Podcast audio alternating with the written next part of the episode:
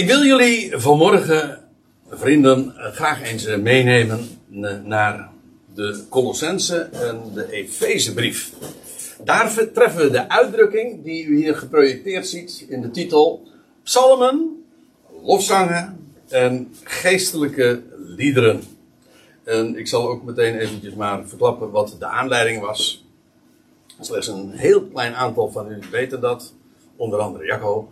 Uh, vorige week toen waren, was ik samen met eh, Petra in Schoonlo. Dat is die wereldstad daar in Drenthe, weet u wel. en daar waren we op een camping en daar was eh, een heel deel afgehuurd. Uh, met, door met name jonge gezinnen. En daar werden ook bijbelstudies gehouden. En een aantal van die bijbelstudies heb ik ook voor mijn rekening mogen nemen. En gedurende een paar dagen hebben we daar vertoefd. En uh, het was een, in allerlei opzichten een belevenis. Uh, maar in één opzicht, dat sprong er toch wel heel erg uit. Tenminste voor mij. En dat was de wijze waarop daar gemusiceerd werd. Dat was ongelooflijk. hoeveel muzikaal talent daar was. Ik heb dat nog nooit meegemaakt dat in, in een gezelschap van uh, pakken 50 of 60 mensen, ik weet niet precies. Nou ja, in ieder geval, ik weet niet uh, hoeveel mensen. Maar dat daar zoveel mensen uh, niet uh, maar een, een, een deuntje konden spelen op een instrument, maar echt verschrikkelijk goed waren in, in tal van instrumenten. En daar werd dan ook uitgebreid gebruik van gemaakt. vooraf en na de Bijbelstudies bij allerlei gelegenheden. En er werd zomaar geïmproviseerd en gemusiceerd en gezongen. Het was gewoon, ja, het was gewoon een feest. En mede naar aanleiding daarvan uh, waren er ook uh, gesprekken. En toen ging het onder andere ook over, uh, over zang en over geestelijke liederen. En wat liederen nou geestelijk maakt. En over wat zingen we nou eigenlijk ook qua tekst. Want ja, het is één ding om te musiceren en prachtige melodieën voor te brengen. En, en alle instrumenten zeg maar uit de kast te halen. Dat is één ding. Maar wat zing je dan? Wat is de inhoud daarvan? Nou, uh, dat kwam zo ter sprake en er, bleek een leemte te zijn op mijn eh, website als het gaat over dit onderwerp. Namelijk dat ik nooit zo specifiek ben ingegaan uh, op, op die kwestie van, ja, wat zijn nou eigenlijk geestelijke liederen? Wat is de inhoud van dat wat we uitspreken, uitzingen? Nou, dus daarmee heb ik wat achtergrond gegeven van wat we vanmorgen gaan bespreken. Ik zei al, deze uitdrukking die u in de titel ziet, die treffen we twee keer in Colossense 3 vers 16 en Efeze 5 vers 19. Daar gaan we gewoon dus naartoe.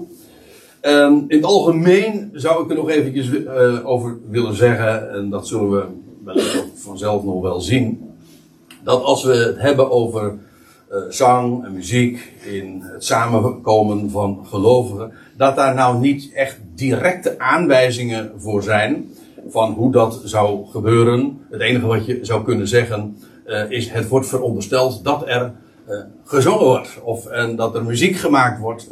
En uh, ja, de meest simpele reden daarvoor is dat muziek de taal van het hart is. Het is universeel en dat spreekt elk mens aan. En, en als er iets is waar, waar het hart door bewogen wordt, of dat nou in mineur is of in majeur, u begrijpt wat ik bedoel. In beide gevallen uh, is muziek en zang, geeft daar als uh, geen andere taal uitdrukking aan.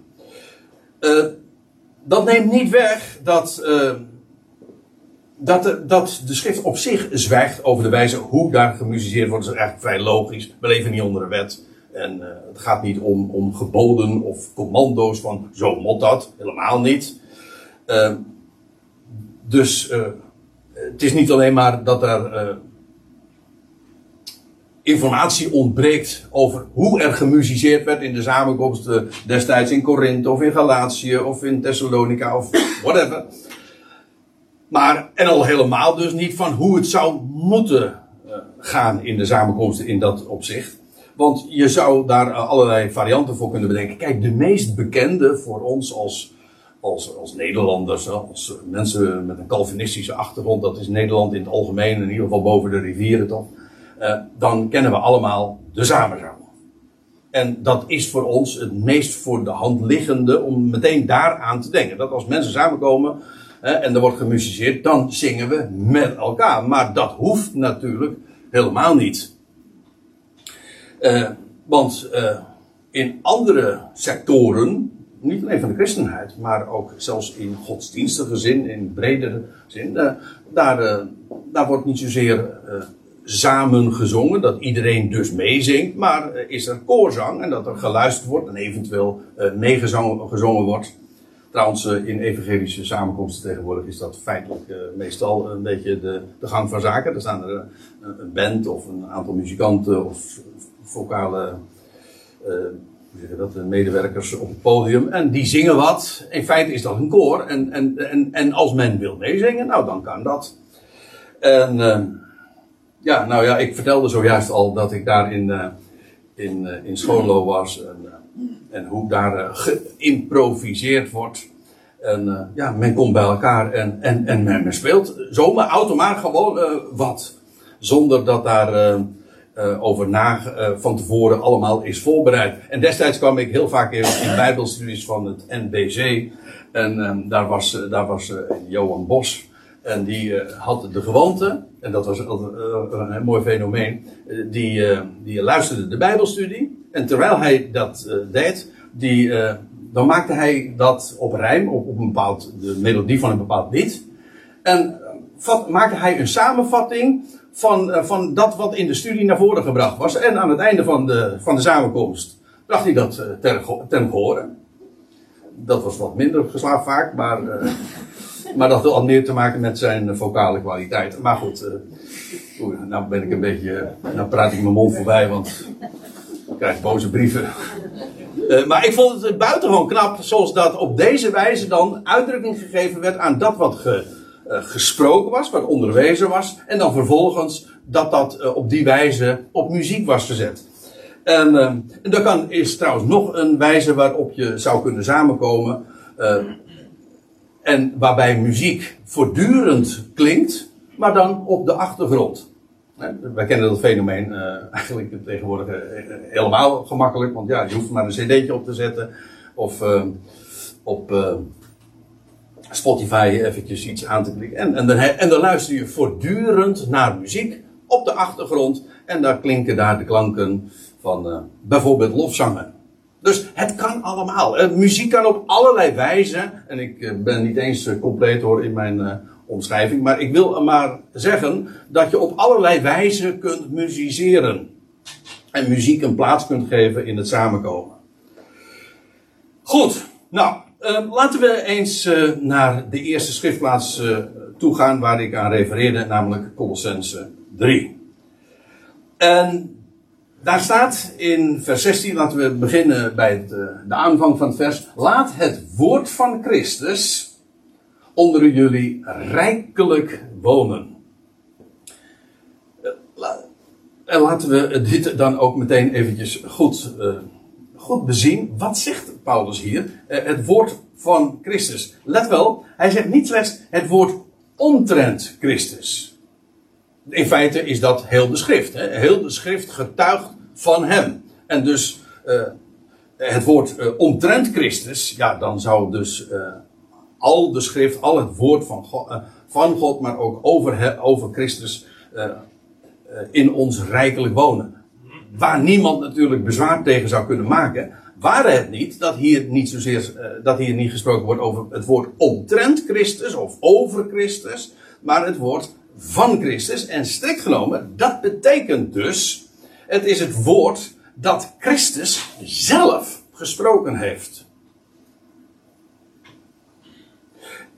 En het zou kunnen, dat bedenk ik me nu eigenlijk ter plekke, dat uh, de gewoonte in met name in de Anglo-Saxische wereld om de woorden die de Heer Jezus hier op aarde ooit heeft uitgesproken, om die op een speciale wijze dan te markeren. En je hebt van die Nieuwe Testamenten, ik, ik had eh, destijds eh, zelf ook een paar van die Nieuwe Testamenten, dat alle woorden die de Heer Jezus zelf heeft uitgesproken, die werden dan in het rood opgetekend, zodat de woorden van Jezus eruit sprongen, in de, gewoon wanneer je zo'n vertaling dan voor je ogen had. Um, En misschien bedoelde men dat inderdaad wel met het woord van Je de woorden die Jezus hier op aarde ooit uitsprak.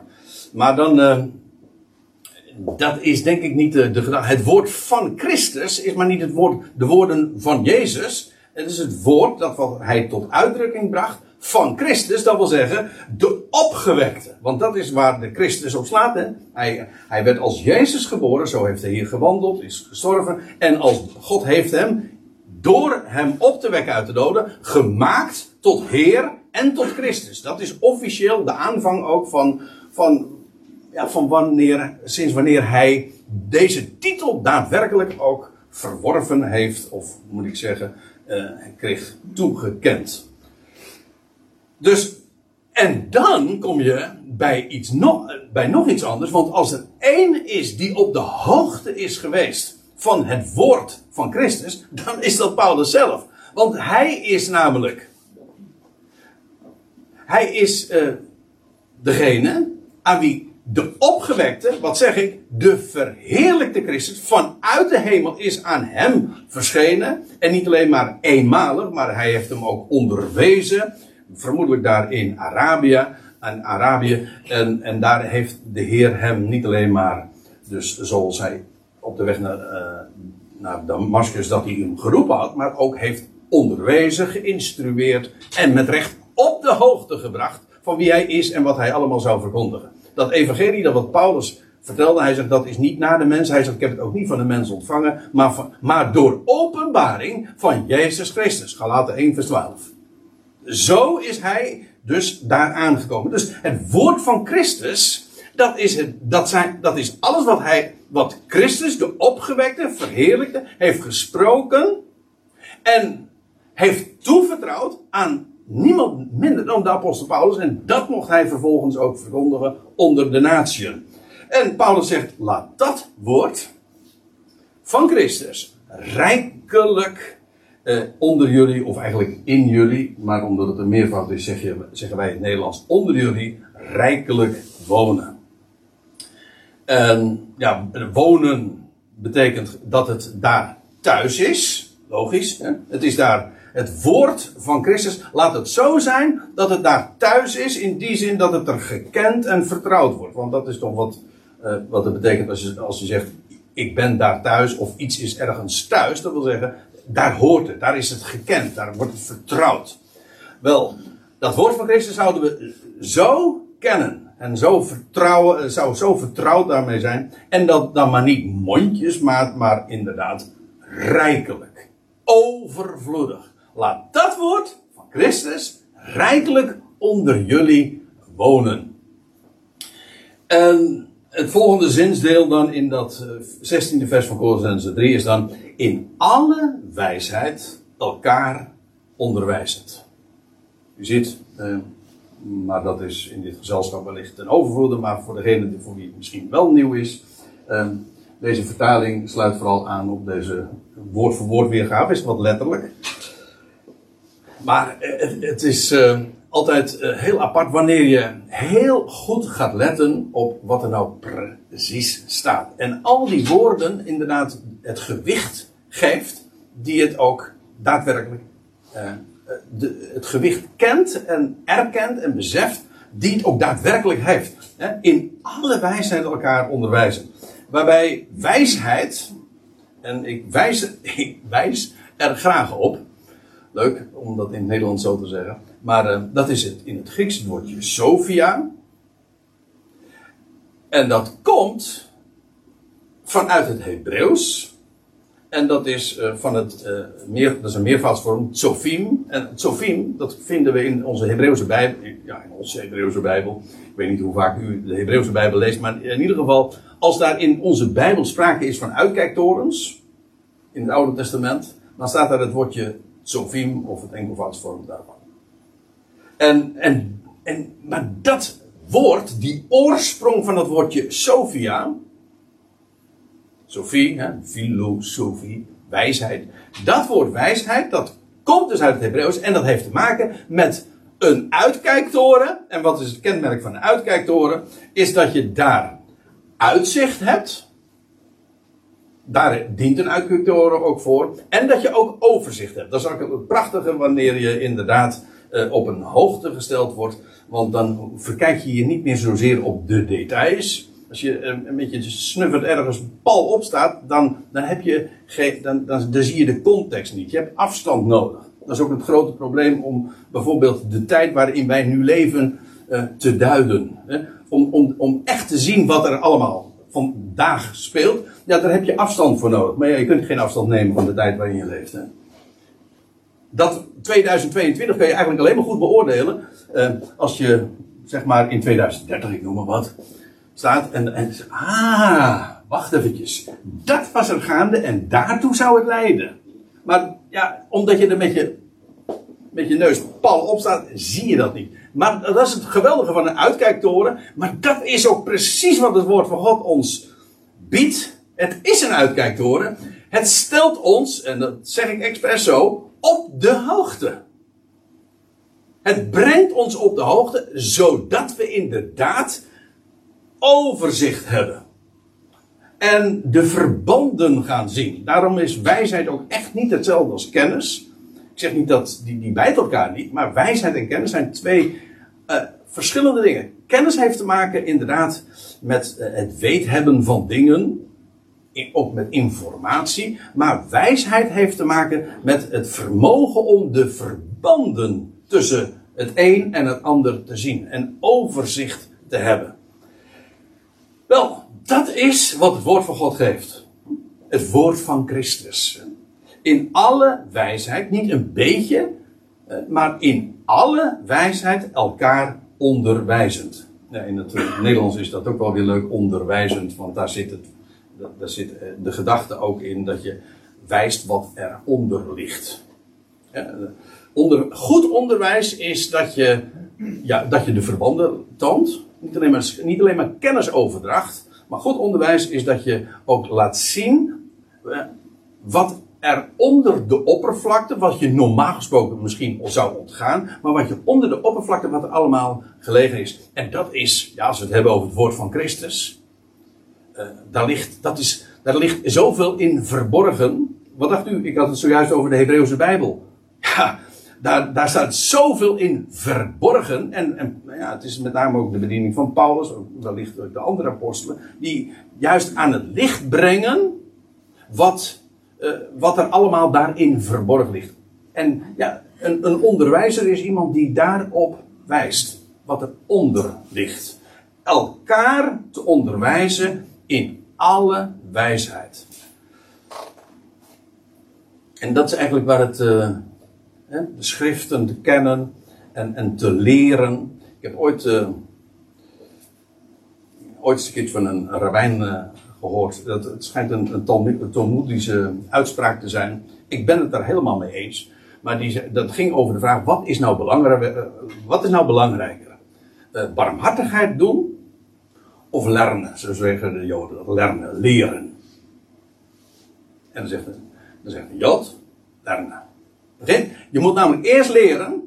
Dan leer je inderdaad ook barmhartigheid. Maar je moet eerst weten van de hoed en de randen. Je moet zo eerst weten. En, hoe, zeggen, hoe zeggen wij dat ook? Je moet eerst, voordat je gaat handelen, moet je eerst even denken.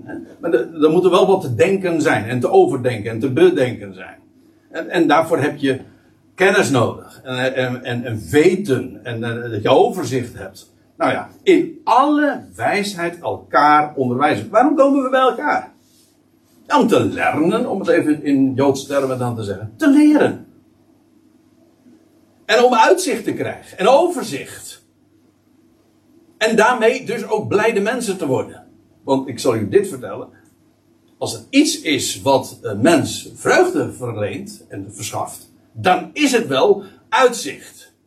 Dat je, dat je, ja, dat je uh, niet zomaar, uh, ja, je, je, bestaan hier slijt. Hè? Als, uh, hoe, hoe was het ook alweer? in tijden van vrede, schreef een schrijver ooit, in tijden van vrede om stemvee te zijn en tijden van oorlog kanonnen voeren. Nou, voer voor de akkers. Feitelijk, dat is het bestaan van zoveel. Maar als je uitzicht hebt, dat je weet van dat er een God is die een plan uitwerkt, ja, dan heb je inderdaad uitzicht. Een reden van bestaan. In alle wijsheid elkaar onderwijzend en, nog heb ik nog iets, en daar staat en attent makend. En u zegt, in mijn bijbeltje staat dat niet. Nou, dat klopt. In de als u een MBG-vertaling hebt, dan staat hier terechtwijzend. Elkaar terechtwijzend. In de Statenvertaling staat uh, elkaar vermanend. Maar dat is een ander woord. Trouwens, terechtwijzen is ook een ander woord. Het Griekse woord wat hier staat, dat als je dat ontleedt, dat bestaat uit twee elementen. En het, woordje, het eerste woord is denken. En het andere woord heeft te maken met plaatsen, stellen. En het idee van dit Griekse woord is dat iets geplaatst wordt voor in de aandacht. Zo zeggen we dat toch ook? Je plaatst, je, ik plaats nu ook dingen in uw denken. Hè? Dat doe je al onderwijzend. Je vertelt iets en dan zeg je, uh, dan zeg je, uh, dan plaats je iets inderdaad in het denken van elkaar. En dat is wat wij dan noemen aandacht vragen voor of of inderdaad, attenderen. Attent maken. Heb je wel bedacht dat? En dan dit. Kijk, dus het heeft niet die negatieve, of ik zeg niet dat het per se negatief is, of terechtwijzen, maar het is veel breder. Het is dus maar niet vermanen, ook niet corrigeren, hoezeer dat ook op zijn plaats kan zijn. Mensen, je moet soms gecorrigeerd worden in je gedachten, dat is waar. Maar de betekenis van het woord is dat je attendeert. Elkaar in alle wijze elkaar onderwijst en attent maakt. Let op. Trouwens, de, aardigheid is dit, uh, ik heb het eens even opgezocht, maar het komt acht keer voor in het Nieuwe Testament en altijd is het uh, Paulus die dit, uh, deze term gebruikt. Nou, en dan komen we toch bij de, bij de titel van deze toespraak, namelijk met psalmen, lofzangen en geestelijke liederen. Trouwens, die voorzetsels met of in of wat je nog meer zou kunnen bedenken, die staan er in Grieks niet. Je hebt ze gewoon in het Nederlands nodig om het fatsoenlijk te kunnen uitdrukken. Uh, dus eigenlijk psalmen, lofzangen, geestelijke liederen. Zo staat het er. Eh, uh, elkaar onderwijzend, elkaar attentmakend, met of in, of voor mijn part door, psalmen, lofzangen en geestelijke liederen. Eerst laten we, laten we het eens eventjes opsplitsen in, in drieën.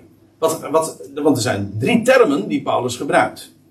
En ik zeg niet eens dat dat uh, drie verschillende uh, afdelingen zijn. Het zijn gewoon drie verschillende termen, waarbij er ook overlap kan zijn. Ik bedoel, een psalm kan ook een lofzang zijn. Het kan ook een geestelijk lied zijn. Maar het feit dat het een psalm genoemd wordt, drukt weer iets anders uit dan dat het een lofzang is. En, en dat drukt weer iets anders uit. Het is dus niet allemaal één en hetzelfde. Het drukt weer, eh, weer iets anders uit dan dat het een geestelijk lied is. Dit woord psal, psalmen, dat is een zelfstandig naamwoord, psalmos, in dit geval de meervoud, psalmen. En in het Grieks is dat een, afgeleid dan van een werkwoord, psallo. En dat betekent letterlijk, uh, het had te maken met een, een, een boog, zelfs met schieten. Maar het idee daarbij is dat je een snaar hebt. Hè? En vandaar ook dat de afgeleide betekenis werd een harp bijvoorbeeld. Uh, maar het is tokkelen met een snaarinstrument. Dat is wat psallo betekent. Kijk, wij hebben uh, misschien de gedachte dat als het gaat over psalmen, dat het dus verwijst naar een van de 150 psalmen die wij in onze Bijbel hebben, in de vijf boeken. En dat is niet onjuist, want inderdaad, uh, er zijn 550 liederen. Niet in het boek van de psalmen. Nee, het zijn vijf boeken. Hè? U zegt, ja, maar nou hebben we vier boeken meer in de Bijbel, dus dan we altijd tellen. Klopt, het zijn er 70. Goed, parkeren we. Uh, 150 psalmen. Oké, die, heten al, die, die boeken heten de, de boeken van de psalmen. Ze heet, zo heet het zo. Dat is trouwens ook niet zo gek. Want hoe vaak lezen we niet van inderdaad, als uh, bijvoorbeeld David uh, een lied uh, heeft geschreven, gecomponeerd, dan staat er bij snarens wel. En van David weten we ook inderdaad dat het een zeer begaafd muzikus en speciaal een harpist was. Hè? Hij, was hij bespeelde de harp. En dat kon hij geweldig. Zodanig zelfs dat als Saul in mineur was, of ernstig in mineur was, dat een boze geest hem zeg maar kwelde, dat uh, David in staat was met zijn harp, Kinneret, dat uh, in staat was om, uh, om hem vrolijk weer te maken. Dat is wat muziek allemaal doet. Daarom, muziek lijkt eigenlijk op zoveel, in zoveel opzichten op de kracht van het woord van God. Maar goed, de, de 150 psalmen, die, ja, die, ze heten zo, ze heten psalmen, maar het komt gewoon van, het heeft te maken met snarenspel. En dat kan de naam zijn van een, een boekenbundel of bundels. Maar uh, het is helemaal niet gezegd, dat lijkt me zelfs onwaarschijnlijk, dat ze daar in Colosse met een psalmenbundeltje, zeg maar, uh, naar de samenkomst. Dat, dat, zo zal dat niet gaan. U zegt, hadden ze dan toen nog geen beamer? Nee, die hadden ze nog niet. Ook nog niet. Trouwens, ik moet erbij zeggen, het kan wel degelijk ook verwijzen naar de psalmen. In, de, in het Nieuwe Testament doet het dat ook heel dikwijls. Hè? Je leest in Lucas 24 dat, uh, dat de Jezus met de Emmausgangers in gesprek is. Nee, dat is later. Uh, maar in ieder geval dat hij uh, spreekt over dat er over hem gesproken was in de wet, de psalmen en de profeten. En dan gaat het heel specifiek dus over een bepaald deel in de Tenach. En in Handelingen 13 vers 33 verwijst Paulus in de synagoge van Antiochië naar de, wat, er in, wat David in de tweede psalm heeft geschreven of gesproken. Dus ja, psalmen kan wel degelijk dus naar de 150 psalmen verwijzen, maar hoeft helemaal niet per se daarnaar te verwijzen. En in dat geval, als het, als het gewoon eh, een psalm is in het algemeen, dan, niet een naam dus, maar als het een, gewoon de term zelf verwijst gewoon naar een lied dat met, uh, waarbij gemusiceerd wordt, of meer speciaal, waarbij uh, gespeeld werd met uh, een snaarinstrument. Een gitaar of een orgel. Nee, een orgel sowieso niet. Nee. U, weet hoe het, orgel ook in onze Bijbel is terechtgekomen in Psalm 150. Hè? Tenminste, in de bereinde psalm staat: Laat zich orgel overal. Wij vroeger, mijn, mijn vader was een. Is een. Uh, nou, nee, was. Hij speelt niet zoveel orgel meer tegenwoordig. Maar een begaafde organist, pianist. En we hadden zo'n dik boek in de kast staan, weet je nog, Dirk? Die had hij ooit een cadeau gekregen uh, met de titel Laat zich het orgel overal. En ja, u, u snapt hem al, uh, dat gaat over orgelmuziek. Uh, maar dat orgel is in Psalm 150 ten onrechte terechtgekomen. Want kijk het maar na in uw Bijbeltje, daar wordt helemaal niet gesproken over een orgel. Wel over blaasinstrumenten, en dat is wat van origine ook een orgel is natuurlijk, een, een pijporgel. Nou, we consequent altijd. Uh, wij hadden een groot elektronisch orgel. Hij zei, maar dat is geen orgel natuurlijk. Hè? Dat is geen orgel. Nee. Oké. Hoe kom ik daar nou? Oh ja, die. Uh... André moet niet te veel afdwalen. Gewoon bij de schriftlijst. Oké. Uh, die, die, uh, een, psalm is dus inderdaad een lied dat, waar, waarbij gespeeld wordt. Met een banjo of een gitaar, noem maar op. Dus hoeveel snaarinstrumenten zijn er wel niet. En dan, dat zijn dus dat wat betreft de psalmen. En dan heb je nog een lied, of een, een type, wat hier benoemd wordt, lofzangen. En daar staat in het Griekse het woordje hymnos. En daar is ons woord, hymne, weer van afgeleid. Vooral in de Engelstalige wereld wordt dat uh, heel dikwijls uh, een hymne. En, maar dat, een hymne is een lofzang. En een, het specifieke van een lofzang is dat daarin, ja, dat God geloofd wordt. Dat wil zeggen, hij in de zin van loven. Hè? Ja, en je leest daar uh, ditzelfde woord, uh, dat lees je bijvoorbeeld als de Jezus uh, in de opperzaal heeft vertoefd met zijn discipelen. En na afloop dan lees je, en na de lofzang gezongen te hebben, en dan staat er in dit geval in Marcus 14 ook, na de hymne te hebben gezongen, gingen ze op weg naar de Olijfberg richting Gethsemane. Je leest ook over hymne van Paulus in Handelingen 16, dat hij in, met zijn collega-medewerker Silas in de gevangenis is. Hij was eerst gemarteld, vervolgens was hij in de, in de kerker, in de binnenste kerker gegooid. Ja, gegooid, ja. En volstrekt onrechtmatig. Met zijn voeten in het blok. Striemen op zijn rug. En wat lees je? En te middernacht zongen ze hymnen. En iedereen luisterde. Dus het, was maar niet in hun hart. Nee, gewoon ze hebben hardop. Ze hebben gezongen en, en iedereen luisterde. En dat was zo mooi dat er een aardbeving kwam, van kwam. Of, nou, in ieder geval, er kwam een aardbeving. Of het daarvan was, dat uh, laten we dan maar even midden.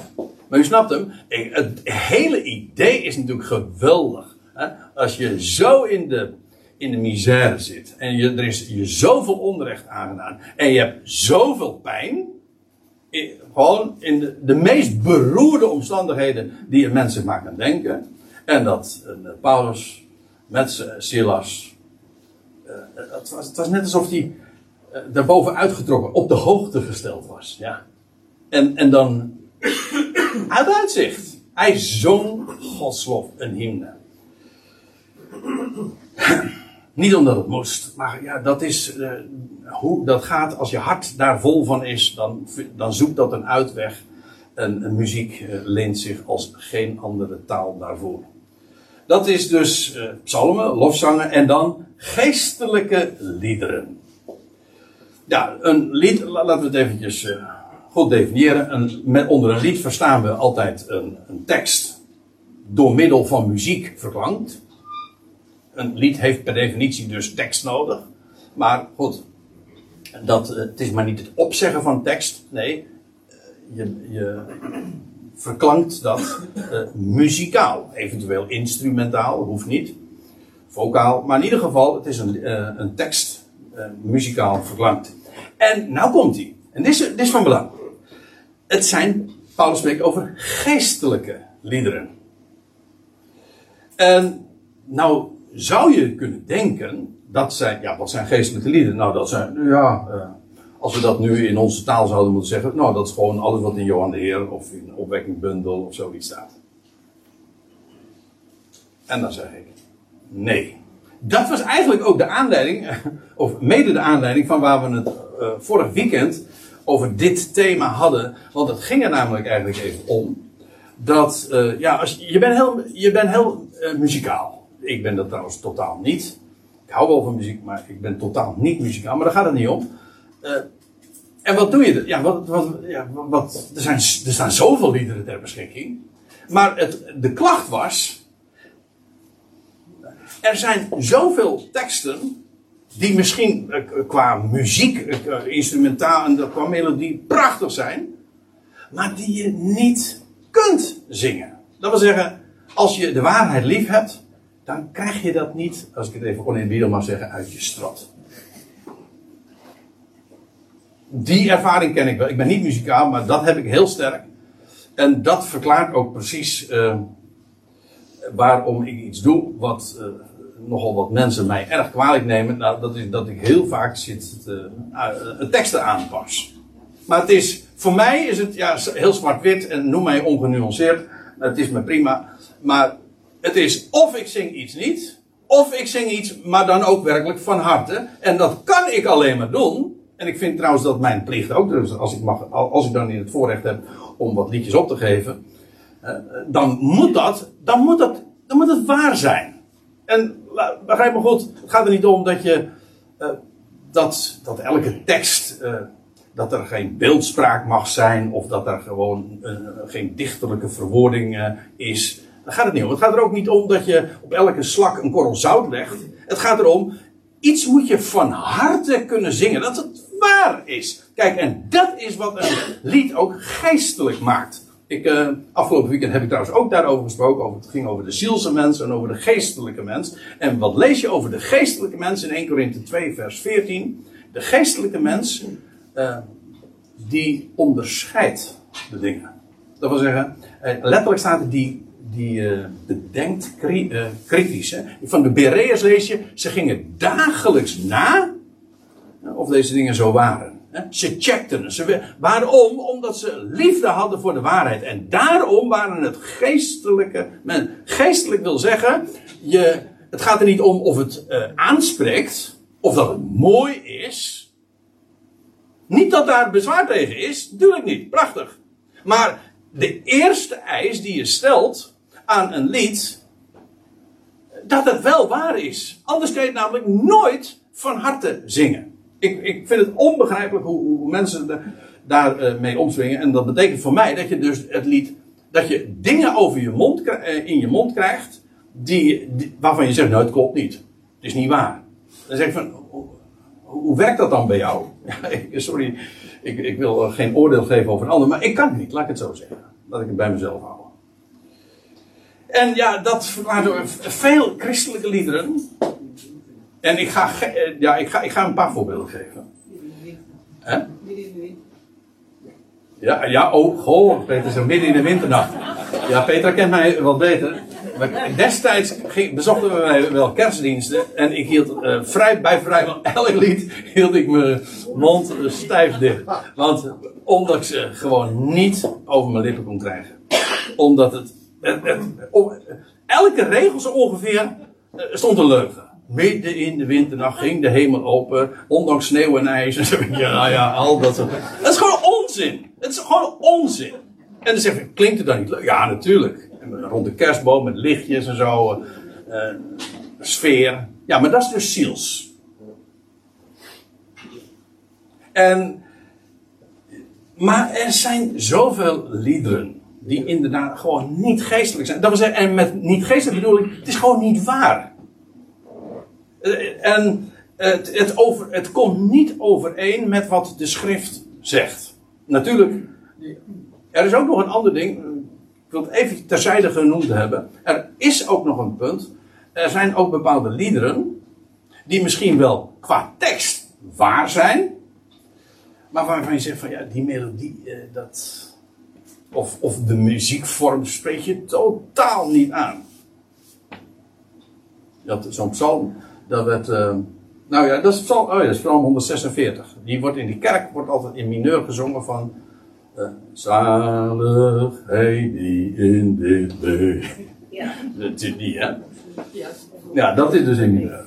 Zang 93. Eerder zijn de God en Vader. Ja, ja, ja, ja, ja. Goh, over de drie-eenheid. Ja, drie, drie enige inzet. Oh, ja. Nou ja, dat is een mooi voorbeeld. Ook een zo'n mooi, aanhalingstekens voorbeeld. Maar uh, ja, een, een, vrolijk lied kun je niet in mineur zingen. Ik, trouwens, ik moet er even ook bij zeggen. Ik denk dat wij, wij ook uh, misschien. Uh, dat, dat liederen ook vaak heel cultuur en zelfs ook generatiegebonden zijn. Onze, onze kinderen, die vinden bepaalde liederen gewoon. Die, dat past niet meer. Dat past echt niet meer bij het levensgevoel. Trouwens, dat heb ik ook. Weer bij een de liederentype, zeg maar, van nog ouder. Die zegt, goh, dat, dat past niet meer bij het levensgevoel. Dat kan. Oké, maar dan hebben we het dus over de vorm, de muzikale vorm. Ik heb het nu dus over de inhoud. Een, lied is geestelijk wanneer het overeenkomt met de schrift. En ook uh, wanneer, uh, wanneer je erkent dat, dat het met onderscheid uh, gezongen zou worden. Zonder, en een ongeestelijk lied is dus zonder onderscheiding van tijd en gelegenheid. Laat, ik een paar voorbeelden geven. Ik, ik, eh, dit, ze zijn alle drie, en dat zeg ik niet om te katten, uit de opwekkingsbundel. Ik had ze ook uit, ik moet zeggen, uit de Johan de Heerbundel, allemaal. Maar de opwekkingsbundel, sorry dat ik het zeg, spant de kroon. Ja. En dat zeg ik niet als een maar eh, heel veel opwekkingsliederen, die zijn qua melodie hartstikke mooi en zo. Maar dan heb je zo'n lied, die zingen, deze zingen wij trouwens ook, maar de tekst is, daar is gigantisch mes in gezet. Ik wil de melodie, er is niks op tegen in mijn beleving. Maar Heer, ik kom tot u. Vergeef mijn zonde nu en reinig mijn hart. Kan ik niet zingen. Ik, ik, ik ken hem namelijk. En als ik tot hem kom, dan dank ik hem dat hij mijn hart gereinigd heeft. En voor zover er nog gereinigd moet worden, doet hij dat. Hè? En, en mijn zonden, die zijn, ik heb de vergeving. Ik ben gerechtvaardigd. Hoe kan ik dit zingen? Zie mij voor u staan, zondig en onrein. Ik ben volmaakt in Christus. Als ik een geestelijk lied zing, dan zing ik dat. Dan dank ik hem voor het feit dat ik in Christus ben en dat hij mij zo ziet. Hoe kan ik dit dan zingen? Zie mij voor u staan, zondig en onrein. Is dat niet vroom? Ja, hartstikke. Maar dat maakt het dus nog niet geestelijk. Ik heb er nog één. Ik heb vanmorgen eventjes nog vluchtig. Ik dacht, ik moet een paar voorbeelden geven om een punt te maken. Om, om gewoon te zeggen. Het is heel willekeurig. Want ik had een hele lange lijst kunnen maken. Maar om aan te geven. Je hebt zo'n lied, lied 304. De Heer bouwt aan Jeruzalem. De Heer bouwt aan Jeruzalem. Uh, voor de veilige, voor de kinderen van Israël. Olie voor hun hoofd, balsem voor hun ziel. De Heer bouwt, de Heer bouwt aan Jeruzalem. En, nou, is dit een Bijbelse tekst? Nou, op zich wel, want je leest inderdaad dat de Heer de, de Jeruzalem weer gaat bouwen. Maar doet hij dat nu? Het hele idee is.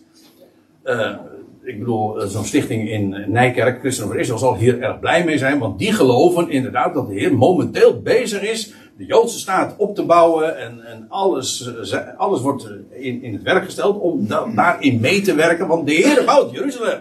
Nou, de Heer bouwt Jeruzalem niet. Hij gaat Jeruzalem straks vernietigen. En er blijft niks van over. En dan, als het op de puinhopen van het oude, van dat uh, verwoeste Jeruzalem, gaat een, inderdaad een Jeruzalem gebouwd worden. En dan bouwt hij inderdaad, en dan wordt ook die wouden waar van Psalm 122, dat uh, Jeruzalem is wel samengevoegd. Hè, en de stammen Israël zullen daarheen gaan. In ieder geval, dit lied is niet zozeer onbijbels als wel gewoon misplaatst in de tijd. Het is, niet met, het is nu, nu namelijk niet aan de orde. En dat geldt trouwens voor heel veel liederen van, uh, ook trouwens heel veel in opwekking, dat de Heer, Jezus regeert. Je ziet het daar alles. Nou, je ziet het er niks. Hij regeert nu ook niet. Hij is, hij is, ja, hij is verhoogd aan Gods rechterhand. En straks gaat hij de heerschappij op zich nemen. En dan zal hij zich eh, gaan vestigen in Jeruzalem enzovoort. Uh, ja, dit is ook, uh, ik geloof in God de trooster, gaven van heiligheid. Dat geloof ik ook. Uh, maar die Gods woord aan ons bevestigt, dit is eigenlijk het probleem. Dat is namelijk nu niet aan de orde. Hè? Gaat en predikt en geneest. Nou, de rest is trouwens alweer mooi trouwens, moet ik erbij zeggen. Hoewel, dat zal allemaal niet gebeuren dat de, elke knie gaat buigen en elke tong zal breiden als hij komt. Dat is pas veel later. Maar goed. Ziet u, uh, er is, ik, ik geef deze drie voorbeelden alleen maar aan om te laten zien hoe je in liederen, in vrome liederen, gewoon keihard kan liegen. En dat is geen persoonlijk verwijt, maar ik zeg, de liederen deugen niet. En je zou moeten weten wat je zingt. En dat is trouwens, en waarom is het zo belangrijk? Kijk, als, laat ik het zo zeggen. Voor degene die meent, ten onrechte, maar die meent dat God vandaag uh, de Joodse staat opbouwt en Jeruzalem aan het herstellen is, is dit een geestelijk lied. Want die denkt echt dat dit zo is. En die heeft, en die heeft gedacht van, hier moeten we hier over. Over dit thema moeten we wat zingen. Dat, dat, dat, daar zouden we uitdrukking aan geven. En dat op zich, dat je uitdrukking wil geven in, in zang en muziek aan dat wat je gelooft. Amen. Natuurlijk wil je dat. Maak van je hart geen moordkuil. En als je erover kan zingen, zing dat. En, en dan maak je teksten die daarop aansluiten. Maar het klopt niet. En ja, dus het gaat erom, weet wat je zingt. En dat het inderdaad waar is. En dat is wat een lied inderdaad ook geestelijk maakt. Oké, Um, in alle wijze elkaar onderwijzend en attent makend met psalmen, lofzangen, geestelijke liederen. In vreugde zingend tot God in jullie harten. Dat in jullie harten, dat kan twee dingen betekenen. Of het verwijst naar dat zingen. Dus je zingt in je hart. In dat geval is het niet eens dat je het hardop doet. Het kan ook verwijzen naar in vreugde. Dus dat die vreugde in jullie harten is. Het kan ook beide zijn nog, trouwens. Maar goed. Uh, in vreugde. En waarbij die vreugde hier, hier staat het, het woordje charis. Eigenlijk staat in genade zingend. Of eventueel, maar genade, u weet het, charis, dat is vreugde om niet. Gunst, dank. Kijk, um, nou, in feite eh, dit sluit heel sterk aan op eh, wat, wat we zojuist al even memoreerden. Namelijk dat zang, muziek, eh, dat zijn natuurlijke uitingen van vreugde. Als, als, als je hart vol is, ja, dan, wil, dan wil je dat muzikaal vertolken. Ik ken iemand. ik, ik hoorde van iemand die zei: Ik ben gek op mu- muziek. Eh, door de week luister ik muziek. En in, in het weekend maak ik muziek. En maandags meld ik muziek. maar dat- ja. Ben je, ben je ook zo gek op muziek, Ton? ja. Ja. Oké, dat was eh Colossense 3. Ik wil ook nog eh, even gaan naar Efeze 5, vers 29. Ik zei al, eh, dat geldt in, in hoge mate voor de Efeze en de Colossense brief. Dat zijn brieven die heel parallel lopen. Verschillende accenten heeft, heel duidelijk. Maar ze zijn ook ongeveer gelijktijdig geschreven. En je ziet ook gewoon hoe, hoe die teksten inderdaad zo naast elkaar parallel kunnen worden geplaatst. Efeze 5 vers 9. Ik begin trouwens bij vers 18, want dat is eigenlijk het begin van de zin. En bedrink jullie niet, zegt Paulus dan, aan wijn waarin liederlijkheid is. Letterlijk staat daar het woordje eh, zonder redding, ont, ontreddering. Het gaat er dus niet over drinken van wijn, maar over het je bedrinken, zodat je bedwelmd bent. En, eh, en uiteindelijk eh, gewoon ontredderd raakt en dus hulp, redding, hulp nodig hebt. Ehm, en dan de tegenstelling, maar wordt vervuld in geest. Waarmee trouwens gezegd wordt, is. Waarom noemt Paulus deze twee dingen zo? Wel, omdat wijn een type is van geest. Het is, wij zeggen ook van drank in het algemeen, waar alcohol in zit, maar wijn in het bijzonder. Dat is geestrijk vocht, wijn uit de kelder. Dat is een prachtig type. En dan vervolgens daar in die kelder, een beeld van het graf, komt het vervolgens uiteindelijk als geestrijk vocht eh, daar weer boven, uit het graf, uit de kelder. En dan wordt het gedronken. En dan zeggen we op het leven. Legaim. Ja, geest is leven. Dus eh, het, feit dat Paulus deze twee zo eh, contrasteert, maar eigenlijk ook eh, zo pal na elkaar noemt, dat is omdat het een een type is van het ander. En wat, wat trouwens ook een overeenkomst is tussen de werking van wijn, of van alcohol in het algemeen, en de geest, is dat het de tong losmaakt. Dat is het e- eerste kenmerk. Dat, dat is eerste, waar- waarom zeggen we ook van eh, drank is gezellig? Ik bedoel, omdat mensen makkelijk, zelfs mensen die heel, eh, die eh, van zichzelf erg introvert zijn. Nee, ik ga geen voorbeelden geven. Eh, die, die heel introvert zijn en die eigenlijk niks zeggen, maar op het moment dat ze één glaasje op hebben, dan, Oh, nadeel is dat als er dan eh, er, te veel glaasjes zijn, en dat kan al heel gauw zijn, dan, eh, dan is het alleen nog maar wartaal wat je hoort. Maar op zich, het hele idee dat je makkelijker spreekt, het maakt je vrijmoedig. En het maakt de tongen los. En dat is hier ook eh, de gedachte. Wordt vervuld in geest. En je leest dan ook inderdaad heel dikwijls in de Bijbel dat als mensen vervuld zijn van geest. En wat, wat doet het? Dan zijn ze vol. En wat gebeurt er? Als je, als je hart vol van is, ja, dan gaat de mond overlopen. En de tong wordt losgemaakt. En dan is het zo moeilijk om te zwijgen. Als je hart vol is, dan is het zo moeilijk. Probeer het dan maar eens voor je te houden. Lukt je niet. Sprekend onder elkaar. En dat idee is inderdaad. eh, vanuit de navolgende. Ons spreken zou als muziek zijn. Waarbij, er, zijn, zijn twee woorden met name waar ik dan aan denk, aan, die ik hier ook noem. Harmonie en akkoord. Dat zijn beide muzikale termen. Iets wat in harmonie klinkt. Maar ook eh, een, een akkoord is een muzikale term. Maar weet u trouwens dat het woordje akkoord, dat, dat, daar zit het woordje cordia in. Dat betekent, en dat is het uh, Latijn Griekse woord voor eh, hart. Cardiologie, hè, denk maar. Maar het heeft ook te maken, dat koord, met een snaar. Grappig hè? Maar goed. Ja, muziek eh, raakt, dat raakt een snaar, zeggen wij dan ook. Het raakt snaren eh, van het hart. En dat is wat ons spreken, als je, als je het woord van God kent en vervult met, met de geest. Trouwens, oh, die vergat ik nog te zeggen, sorry. Die moet ik nog even vermelden. Namelijk dat uh, Paulus in Colossense 3 zegt.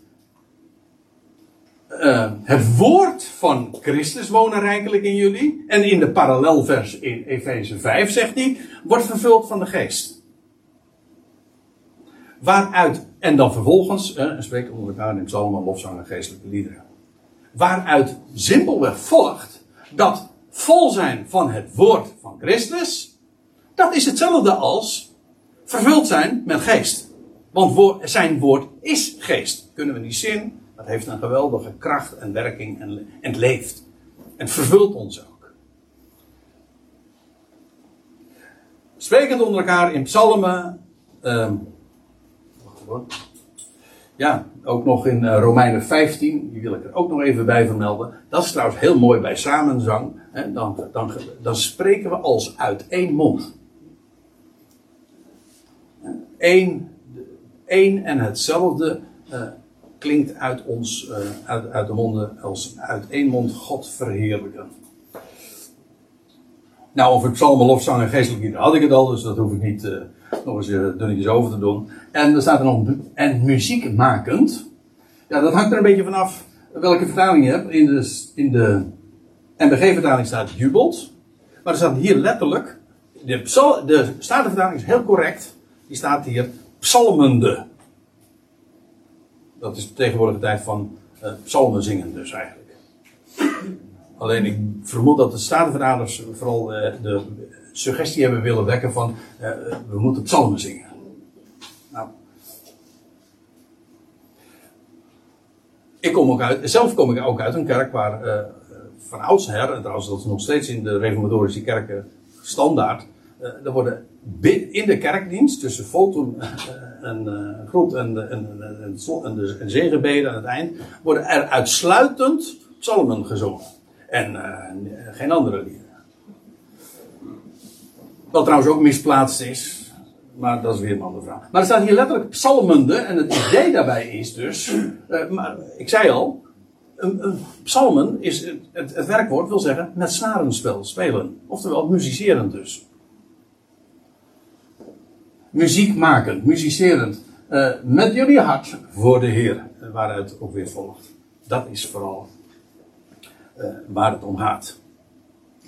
Dat wat gesproken wordt en wat hem verheerlijkt, dat dat van harte is. Terwijl jullie altijd, tenslotte, uh, terwijl, uh, dat moet ik er nog even bij vermelden. In de eerste plaats werd er gezegd van vervuld met geest. Het eerste effect is dat je onder elkaar gaat spreken in psalmen, lofzang en geestelijke liederen. De tongen worden los en in vreugde wordt dat is, is daar die uiting. De tweede staat, terwijl jullie altijd over alles in de naam van onze Heer Jezus Christus, de God en Vader danken. Dat is het tweede. De tweede uiting van vervuld zijn in geest is, je gaat danken. Daar herken je ook die vervulling in. Mensen die vervuld zijn in geest, die worden blij. En dat betekent dus, ze gaan danken. Over alles. Of, uh, of ook over in de zin ook van boven alles dankend. Wat er ook gebeurt, en wat er misschien ook allemaal tegen zit, weten, dit zijn, uh, dit zijn minnen als, als, tot je dienst, maar God gaat daar een plus van maken. En als je daarvan uitgaat, ja, dan ga je dus danken. Kan niet missen. Als je dat uitzicht hebt en zo in het leven te mogen staan. Over alles danken in de naam van onze Heer Jezus Christus. En God de Vader danken. Dat is altijd de wijze waarop, je dat in de Bijbel leest. We spreken tot God en we komen tot Hem door de Heer Jezus Christus. In de naam van onze Heer Jezus Christus. En dan als derde eigenschap wordt, als derde kenmerk van dat vervuld zijn van geest, wordt er nog eens zich onderschikkend aan elkaar. Dat betekent niet dat iedereen zich aan iedereen onderschikt, want dat is, dat is waar. Eigenlijk is dat wartaal. Het is niet zo van dat ik mij onderschik aan jou en jij aan mij. Want, nee, onderschikken. Onderschikken heeft te maken met gezagsverhoudingen. En Paulus uh, gaat het hier ook over hebben, in, in het navolgende, over die onderschikking. Elk mens staat in een bepaalde gezagsverhouding. En Paulus gaat het uh, vervolgens hebben in, vanaf vers 22 over het huwelijk. dat de vrouw zich zou onderschikken aan de man. Mag je ook niet meer zeggen, maar dat is de Bijbelse gang van zaken. De man geeft leiding. En, en in het gezin ook, dat de kinderen zich onderschikken aan de ouders. En op de werkvloer geldt dat trouwens ook, hè, dat slaven zich zouden onderschikken aan een heer.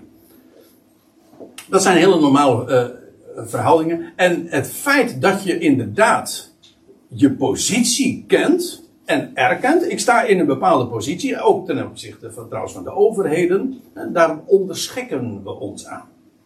En dat is een kenmerk, wat je weet. Er is één God. En hij zet alles op zijn plaats. En daar, zijn ook, daar is ook hiërarchie. Er zijn verhoudingen, gezagsverhoudingen.